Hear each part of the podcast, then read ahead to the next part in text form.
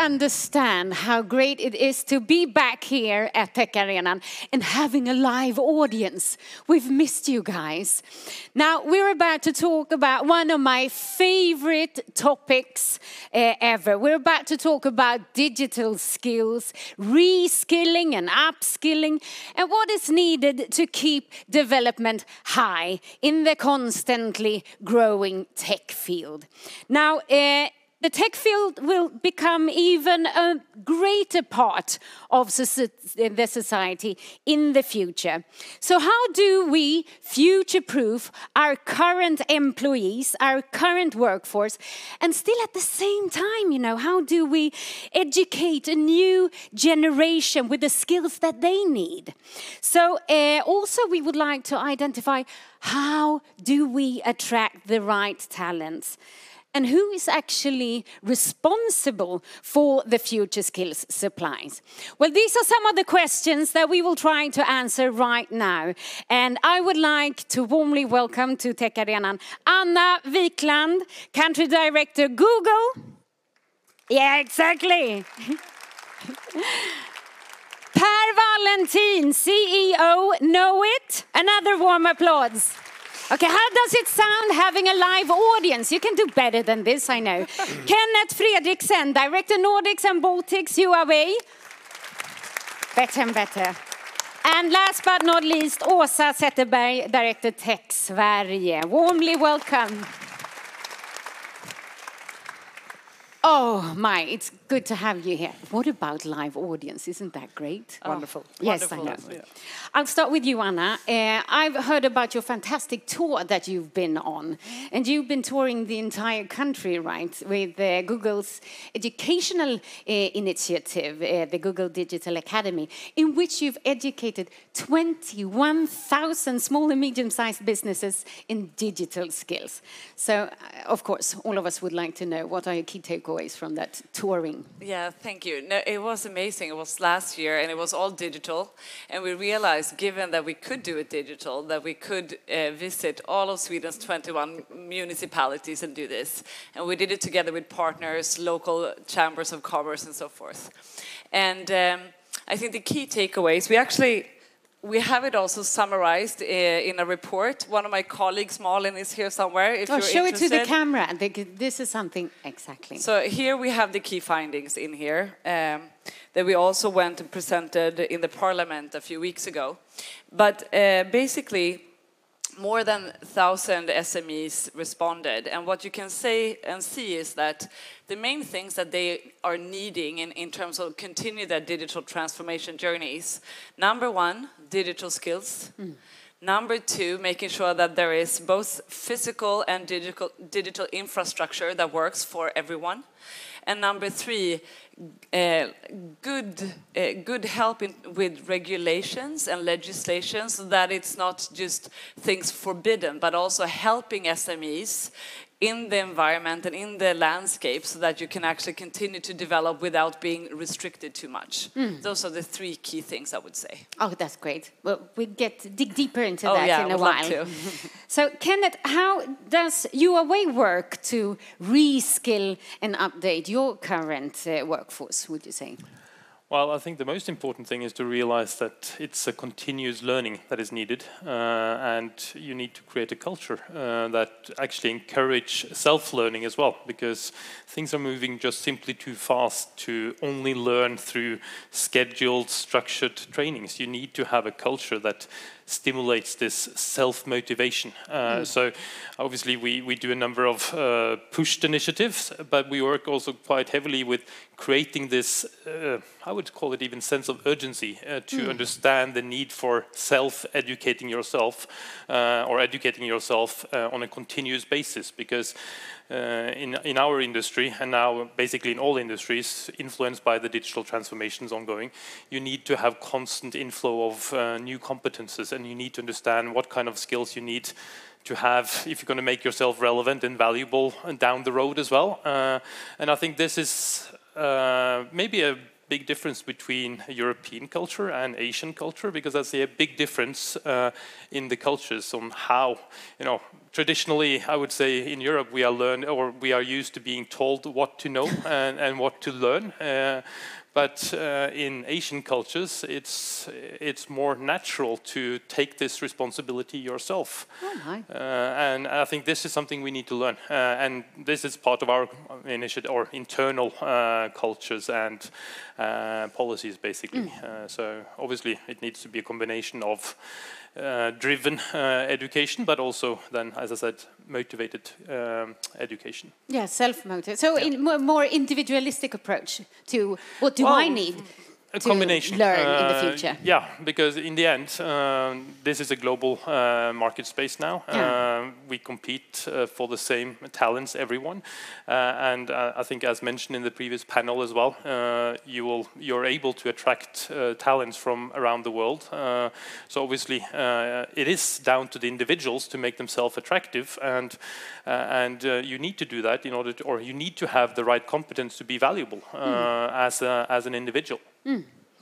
So, uh, also, can I, I would like to know how can you, being an information and communications tech company, how can you help to bridge the digital gap that we see now in society, both locally and globally? Well, we work in, in different dimensions. I mean, our uh, we have something we call Huawei Innovation 2.0, uh, which is basically, you know, providing open platforms for joint research, and then having um, also uh, developments done with partners. So by, by having you know uh, a joint effort both in the research and the development uh, stage, then we need to have other uh, or supporting initiatives uh, with academia, with universities, obviously creating platforms where um, startups can connect easily to test the latest technologies and allow them to uh, develop new things, understand technologies, you know, what kind of technologies they need to use in order to create new services. And then from educational perspective, we work with academia uh, in terms of, you know, providing our own courses, uh, making them available to universities uh, and different types of educational institutions. Uh, we uh, do initiatives, as we call, for example, call Smart Bus, where we basically, you know, it's a bus uh, running around in uh, in different countries, uh, providing basic skill uh, education to both youths, uh, younger uh, Yeah. people, but also the elderly uh, generation. Which because basically you need to have everyone on board in this digital journey, uh, and that's very important to understand as well. So, so there's, uh, of course, then it's also about cultivating talents uh, by working uh, in the educational sector, uh, as I mentioned, but then also making opportunities available during their education and afterwards through internships, uh, traineeships, and then, of course, also job offers uh, course. as soon as they are ready. yeah. Well, lovely, Kenneth. That is taking responsibility. And talking about responsibilities, uh, Per, I, I mean, being a through and through altogether digital player, how can you help other companies with the challenges that they see in this digital transformation or the, the challenges that they experience? Well, well, the, the obvious is uh, to help them with with uh, different skill sets, uh, and new, as we talked about, new skill sets every every year because uh, the, the change is uh, really fast in all areas where we are present right now. So, so that's the obvious. But I also think as uh, consultancy, I think it's important to be able to, to help with the processes, way of working, uh, courage. Uh, I think that's important to, to, to, be, to be able to, to address new ways of working or new uh, initiatives at our um, the companies that we work with. Uh, that must be, how do you encourage them in that uh, manner, would you say? smile and, and, and uh, talk about the bright future. Yeah, I that's think good. that's That's that's, one way of, of doing it to, to, to sell not only the skill set but the possibilities that comes with the, the projects or, or uh, initiatives that, that we help our customers with. I think that's really important uh, nowadays to be able to have that courage and and, and that's uh, the beauty uh, in the Nordics because we have a lot of customers that, that have a lot of courage and, and dare to test new things. I, I think that's really important. Yeah, Good. Well, Åsa, uh, I've heard about the, uh, and read some of the report that you recently published uh, last year sometime, yep. where you outlined that the tech industry is expecting to have a deficit of uh, about 70,000 people within the next couple of years because of the shortage of IT and digital skills. So how uh, involved does the industry need to be? What responsibility do the industry need to take in these issues in order to solve that deficiency of 70,000 missing yeah. people? We're missing 70,000 people in Sweden, and that's yeah. only in the IT and intensive part of the tech sector. If mm. you see at the society as a whole, it's much, much more. Like so it's, it's even a bigger issue. Yeah, and I've seen some figures when it comes to uh, on a global level. I think for 2030, it's we're actually searching for 85 million people. So it's a real competition now. It's a talent competition on a global level, and it's also in Sweden, kind of. So, and I, I would say that the tech sector, we have a great responsibility. We have some of the great examples here, what you can do for yourself, for the, your own training academies in your own in your own company, but also what you can do for other companies, other industries, and also the public sector. But it's not enough by doing that. We, we actually need to do even more. Mm. And I would say one of the first things that we need to do is like the common generations. Since we also have a gender gap today in the tech sector, we need to influence, inspire younger people with different backgrounds um, at least more women needs to come mm. into our, our uh, sector as well. And we need the training skills for the teachers, for a setting, for a subject. What is the subject a way of learning it in a digital connected world? What do you do? What do you learn? What are your creative skills that you need for a new kind of labor market? Uh, we need the universities to be much more have the incentives, the financing models are quite uh, hard for them to actually provide more of training pro programs on the, on the short term that are individual programs like uh, short term uh, reskilling, upskilling things. Mm. Another thing is that we also need to be having a much more culture and attitude in to international talents coming to Sweden. We, we need them to be interested to come here. We can't deport them. We can't have long-term processes. We need to have a, a, positive, welcoming attitude to international talents. That's important. It's mm. not only talents, actually, it's investments too. Mm. And when I'm talking about talents, that's one of the responsibility we need to have in, in the tech sector. Is talents is me. I'm a uh, I'm a mother of two, 47 years. It's the older, elderly man, 65 years old, maybe start to work a bit, bit less. it's the young one, the 20-year-old boy, but not only the 20-year-old uh, male guy. It's we, we need different kind of uh, persons into our sector. Diversity. So, yeah, so it's yeah. the, um, if I would say something, it's like the sector and the society needs to make it much, much more attractive interesting to be part of the tech sector mm. because we're doing real impact, meaningful jobs, different kind of jobs, mm. and, and we need to address that even better. And an ever in an ever evolving society. Mm. Now, yeah. about that, about responsibilities, I'm going to hand you quite a responsibility right now, at least an imaginary responsibility, Anna. If you were to become the head of uh, Sweden right now, the head of Sweden. We, we have Anna Hallberg in the house, so yeah, I yeah. think that she uh, might get some ideas now. So, what major initiatives or changes would you uh, enact to improve the situation connected to the skills supplies if you were the head of Swedish state right now? Well, I think, first of all, like taking a step back, we've been through two years of, of a pandemic where we have seen how digital has really, or online has been a lifeline for everyone, independent if it's us as individuals, if it's at work, if it's in society, it doesn't matter. And the tools that we have used is really uh, what has made us get through this in such a good way. And in the same way, digital and tech will really be the catalyst for how we do the comeback. And, and uh, connected then to, to digital skills here, I think that what, what we also need to understand is that it's not just typical sectors that, that need this type of talent. Pretty much I would say more than 90% of all jobs will require some type of digital skill in the future. So it's for everyone. Uh, so I think that uh, Sweden can really, you know, ta take the pole here and decide that we want to be the best country in the world in terms of skill supply and to really find ways and processes to, to uh, facilitate lifelong learning for everyone. Like there is not re relevancy anymore in talking about what education you got when you were X age you really need to talk about what, uh, what education you need throughout life to continue to be relevant. So I think that that's the number one thing. Mm. You're never done, as uh, Kenneth and I were talking you're, about. You're, in you're the... never done. None no. of us are done. Mm. Uh, we all need to continue to learn new things and, and uh, learn how to use digital tools and to understand all this.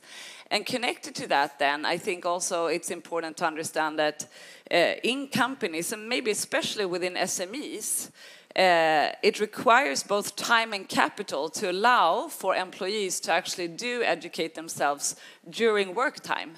Uh, so there needs to be programs uh, and open and free educations for everyone, not only when you are younger and you go to university, but on an ongoing basis. That's why we tried with Digital Academy as one, one effort, and there are many others, but we need to continue to do that.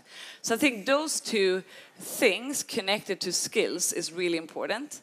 And then the third thing is that I would continue to, to uh, work and talk to companies around like um, allowing and, and encouraging a culture of innovation. As you mentioned, like the competition is global today. We don't only compete with others in the same market. We compete globally for talent. We compete globally for consumers and customers in different ways, and that we need to realize. Um, and and in order to foster that culture of innovation, you also need in companies to listen to to different voices in terms of diversity, but also of age. We talk about, um, I, love this expression, to watch out for the hippo syndrome. And hippo is, is not here the big animal. Hippo is the higher paid person's opinion. so to really make sure that, that you, know, you have a diverse set of thoughts, that you listen to young and old from different backgrounds and so forth, to foster this, because we all need to do this together. Yeah, good. And now, Åsa, uh, you being an uh, association for the tech industry, if we've listened to Anna, what she says, what she needs, or what she mm. thinks needs to be done, mm. how can you help push these questions? Uh, we're doing in different kind of ways. Like uh, one of the things is, of course, the reports where we actually point out the biggest questions, the challenges, but also the possibilities. We have closely contacts with the government and the public authorities and so on. Uh, and one of the things that we find out in one of our reports is that tech is actually the new base industry. This is in the center of the whole um, economy of Sweden. So I, I, I'll just give you some examples of that. So from 1981 to 2020, actually the tech sector's contribution to GDP uh, actually grown with uh, 1,300%. It's 281 uh, billions what we actually contribute to the society. It's more than all the traditional base industries altogether. So the tech sector is like in the center of the Swedish economy, and that's what we try to do as an association mm. to to make people understand that, all the possibilities with that, and let the politicians understand that. Because out of that, you need to prioritize digital skills. You need to prioritize uh, possibilities with regulations and policies to make tech sector growing in Sweden. Otherwise, they're going to move to some other countries. And in that case, other industries are not going to find good in innovation in Sweden either. And in that case, we're not going to be an exporting country no. the way we are today. So it's crucial to understand the tech sector's impact of Sweden economy today and also for sustainability. Since that's one of our biggest challenges today, I think that's what most of us think about it. Yeah. And the, one of the biggest uh, potential is to use new technology innovation in a better way. That's one of the what we put more and more hope into and in that case, we also need digital skills. Mm. We also need entrepreneurship, the startups, the, the scale ups, and all the other companies to help us to find ways that are much more sustainable than we are actually working, producing, communicate today. Mm using your phrase there, mm. a sense of urgency. We yeah. need to be in the forefront to to maintain what are the strategies to be in the forefront digitally yeah. in the digital transformation. Now, Per, uh, I know that you're involved in, in Tech Sverige as a chairman of the board, and right. listening to this, it's not just about educating and uh, reskilling and upskilling and so forth. It's also, as everyone's mentioned, it's about attracting uh, top talents from other countries. So, what can you do to help there? Well, uh, uh, we, as we we work with the regulations and all, of that, and uh, I think it's it's important. I think there is a lot of things to do there. Uh, uh, of course, compensation packages and, so on is important, and that's something that everyone is talking about. But I also think that it's important to sell. The tech sector in Sweden to sell Sweden. just look at all the interesting startups that we have out outside here. Look at Cake that was here before, or, or um, uh, X-Shore. Yes. Wouldn't you like to come to yeah. Sweden if you like boats to to uh, work with X-Shore, uh, no no matter what the compensation package you have? No. So I think it's important to sell those things as well: work-life balance, the nature, uh, the, the interesting way of of, of living in Sweden. I mm. think that's really important. Mm. And so, Kenneth, uh, what strategies do you have for attracting uh, international talents at Huawei? Well, uh, I think first of all, of course, you need to make yourself attractive as a company, uh, and I believe one of our strengths here is, of course, our heavy investments into R and D. Uh, always uh, allowing people to get their hands on uh, the latest and the greatest in terms of technology. Uh, so, of course, this is one very important part of our strategy.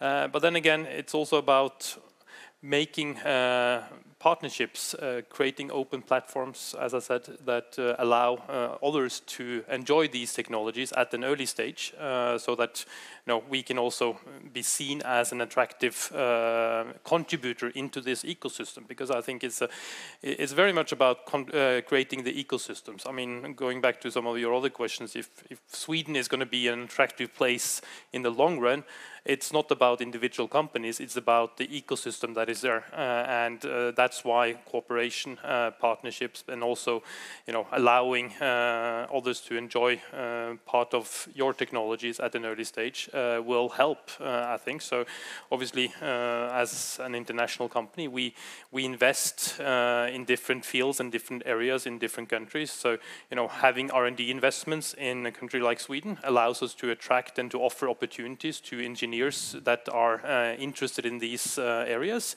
uh, and of course being present with with a solid organization mm. in in markets is is also um, you know important. Being an employer that is attractive uh, and offers something back in the long run, uh, I would say is uh, maybe our, our, most important part here. And then taking part in this ecosystem mm. in a constructive way. Yeah, great. No one can do this by themselves. Mm. Now, another, you know, I'm being a futurologist, identifying, uh, you know, success factors for the future. So I would like to ask you one thing. So, uh, how would our society in the Nordics and in Sweden develop, would you say, if we could get anyone and everything that we needed uh, regards to digital transformation and digital skills?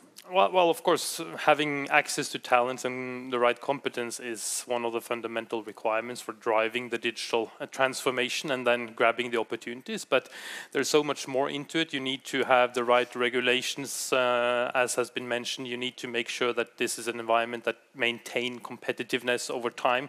So, so there is no single uh, factor that, or competence itself will not solve all the problems, but it will help a lot. Uh, uh, and then, of course, I mean, if we were to create this full position in the digital uh, world, which is ahead of us, I believe it's very hard to actually catch that uh, competitive edge because that's what we see.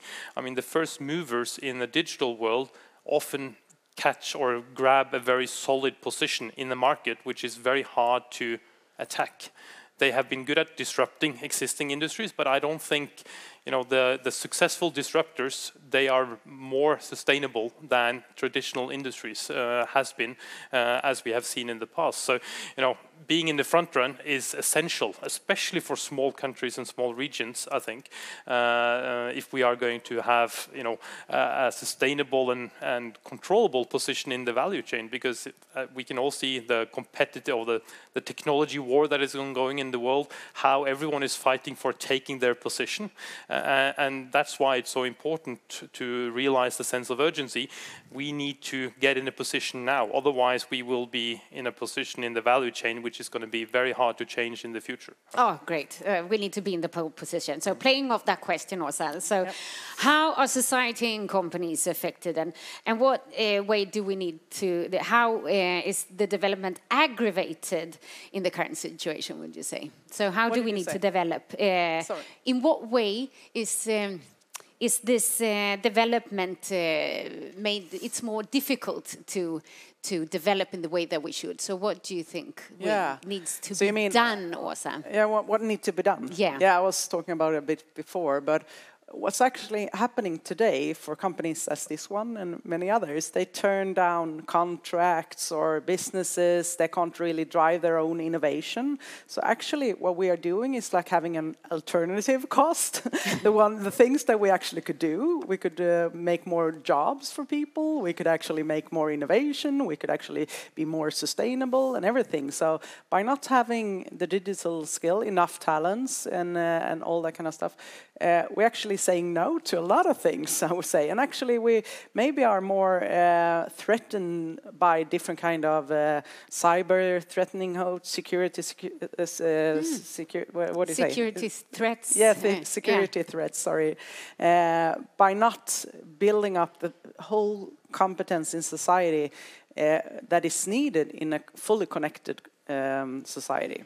So it's it's devastating for Sweden since we're actually not competing with other countries when it comes to salaries or anything. We're actually competing with um, knowledge, high tech, and innovation. That's mm. that's where we should be, and that's where we are. And if we can't actually be there, if we have the shortage, uh, we it's not only the tech industry that is going to be it's going to be de devastating for. It's other industries as well. Mm. So, so I would say it's it's it's um, it's the sense of urgency, as Kenneth said. Uh, it's about what what position Sweden wants to be in when it comes to export as a whole. And what we need to understand there is that Sweden's uh, dependence of export is enormous. Mm. We are hmm. one of the the countries in the world that are most dependent of export. 50% of the GDP comes from export. And if you should be competitive on a global market, you actually need to be innovated. Innovate, I mean, really uh, competitive when it comes to innovation. And innovation today is data-driven, it's high-tech. Mm. So it's like, it's, yeah, it's like, um, ecosystem uh, for it for, for the whole system. You yeah. really need to make yeah make a whole view of it yeah. kind of like a holistic, holistic picture yeah, of the thank you. yeah, there you go. me find the words. Thank that's so my much. job that's my job also thank you. Now uh, briefly uh, Anna what are the megatrends looking into the future? What are the megatrends that you foresee that are coming that companies need to be prepared for in the future uh, connected to the needs for digital skills reskilling and upskilling and so forth? What should we prepare for? Yeah. Well, I think uh, to start with, I think that in this rapidly changing world that, that we are in, the only sustainable competitive advantage is to make sure that all of us learn faster than competition and translate that into innovation. Mm. That's the only thing that will be competitive uh, and, and to our advantage over time. Mm. And, and uh, what a little back to then to, to the uh, pandemic, we see in 2020 we were forced to do things when everything was locked down. In 2021, that instead became intentional choices. So what we also saw is when we went through billions of searches on an aggregated level, we, we saw these choices were based on, on three main areas. The first one was connected to how we as consumers have changed our behaviors to an even more online behavior. So if you're to export, you need to export and really connect with customers everywhere. So that that is like a big mega trend in terms of like really meeting consumers where they are, where also uh, the whole area around integrity and privacy is super important. So that's a big mega trend in terms of how you handle that in a good way, being relevant to your customers. The second, I would say, is uh, the importance to continue to focus on uh, diversity, equality, and inclusion. That's key. Uh, that, that's just going to continue to be even more important. Uh, if it's in the uh, company culture, if it is in the workforce, that you're diverse and so forth. And the third area is connected to sustainability. And here, tech again will play a huge role. Like, of course, maybe from Google, we are very excited about the opportunities that tech can bring. Uh, but in order for that to really work, we need the right competence because we need to make sure that we use all the data we have and, and work with, with the computing power, with AI, with robotics, machine learning, ah, and then words. so that you automate what can be automated, so that you free up time to what really matters and to continue to innovate. Great. So these are like the, some of the really big trends that we see. Great analysis, Anna. And the final question to you, Per. Looking five years ahead, what skills do you think will be the most important to continue this digital transformation? And most importantly, how to improve our society in the future? Uh, well, I, th I, think that you answered that question quite a lot. Uh, to, to, add uh, another angel, angel on, on it, it, it might be that we need all these skill sets that you talked about uh, connected to the tech industry, but we also need to add uh, competence of how we work as, work as humans, and we need to add competence in the tech industry uh, towards other industries. For example, working in uh, the the construction industry, uh, we need people with with multiple competences. I think that's really important because then we will. All innovations is about um, gathering competences from different areas and put them together, and that's the future for the tech industry, and that's the future for for uh, for our our uh, country as well. I think. Oh my, that's the future for us. well, it's been an absolute pleasure having you on stage together Thank with you. me. Thank you, Per, Åsa, Kenneth, and Anna. Warm applause to our Fantastic panel.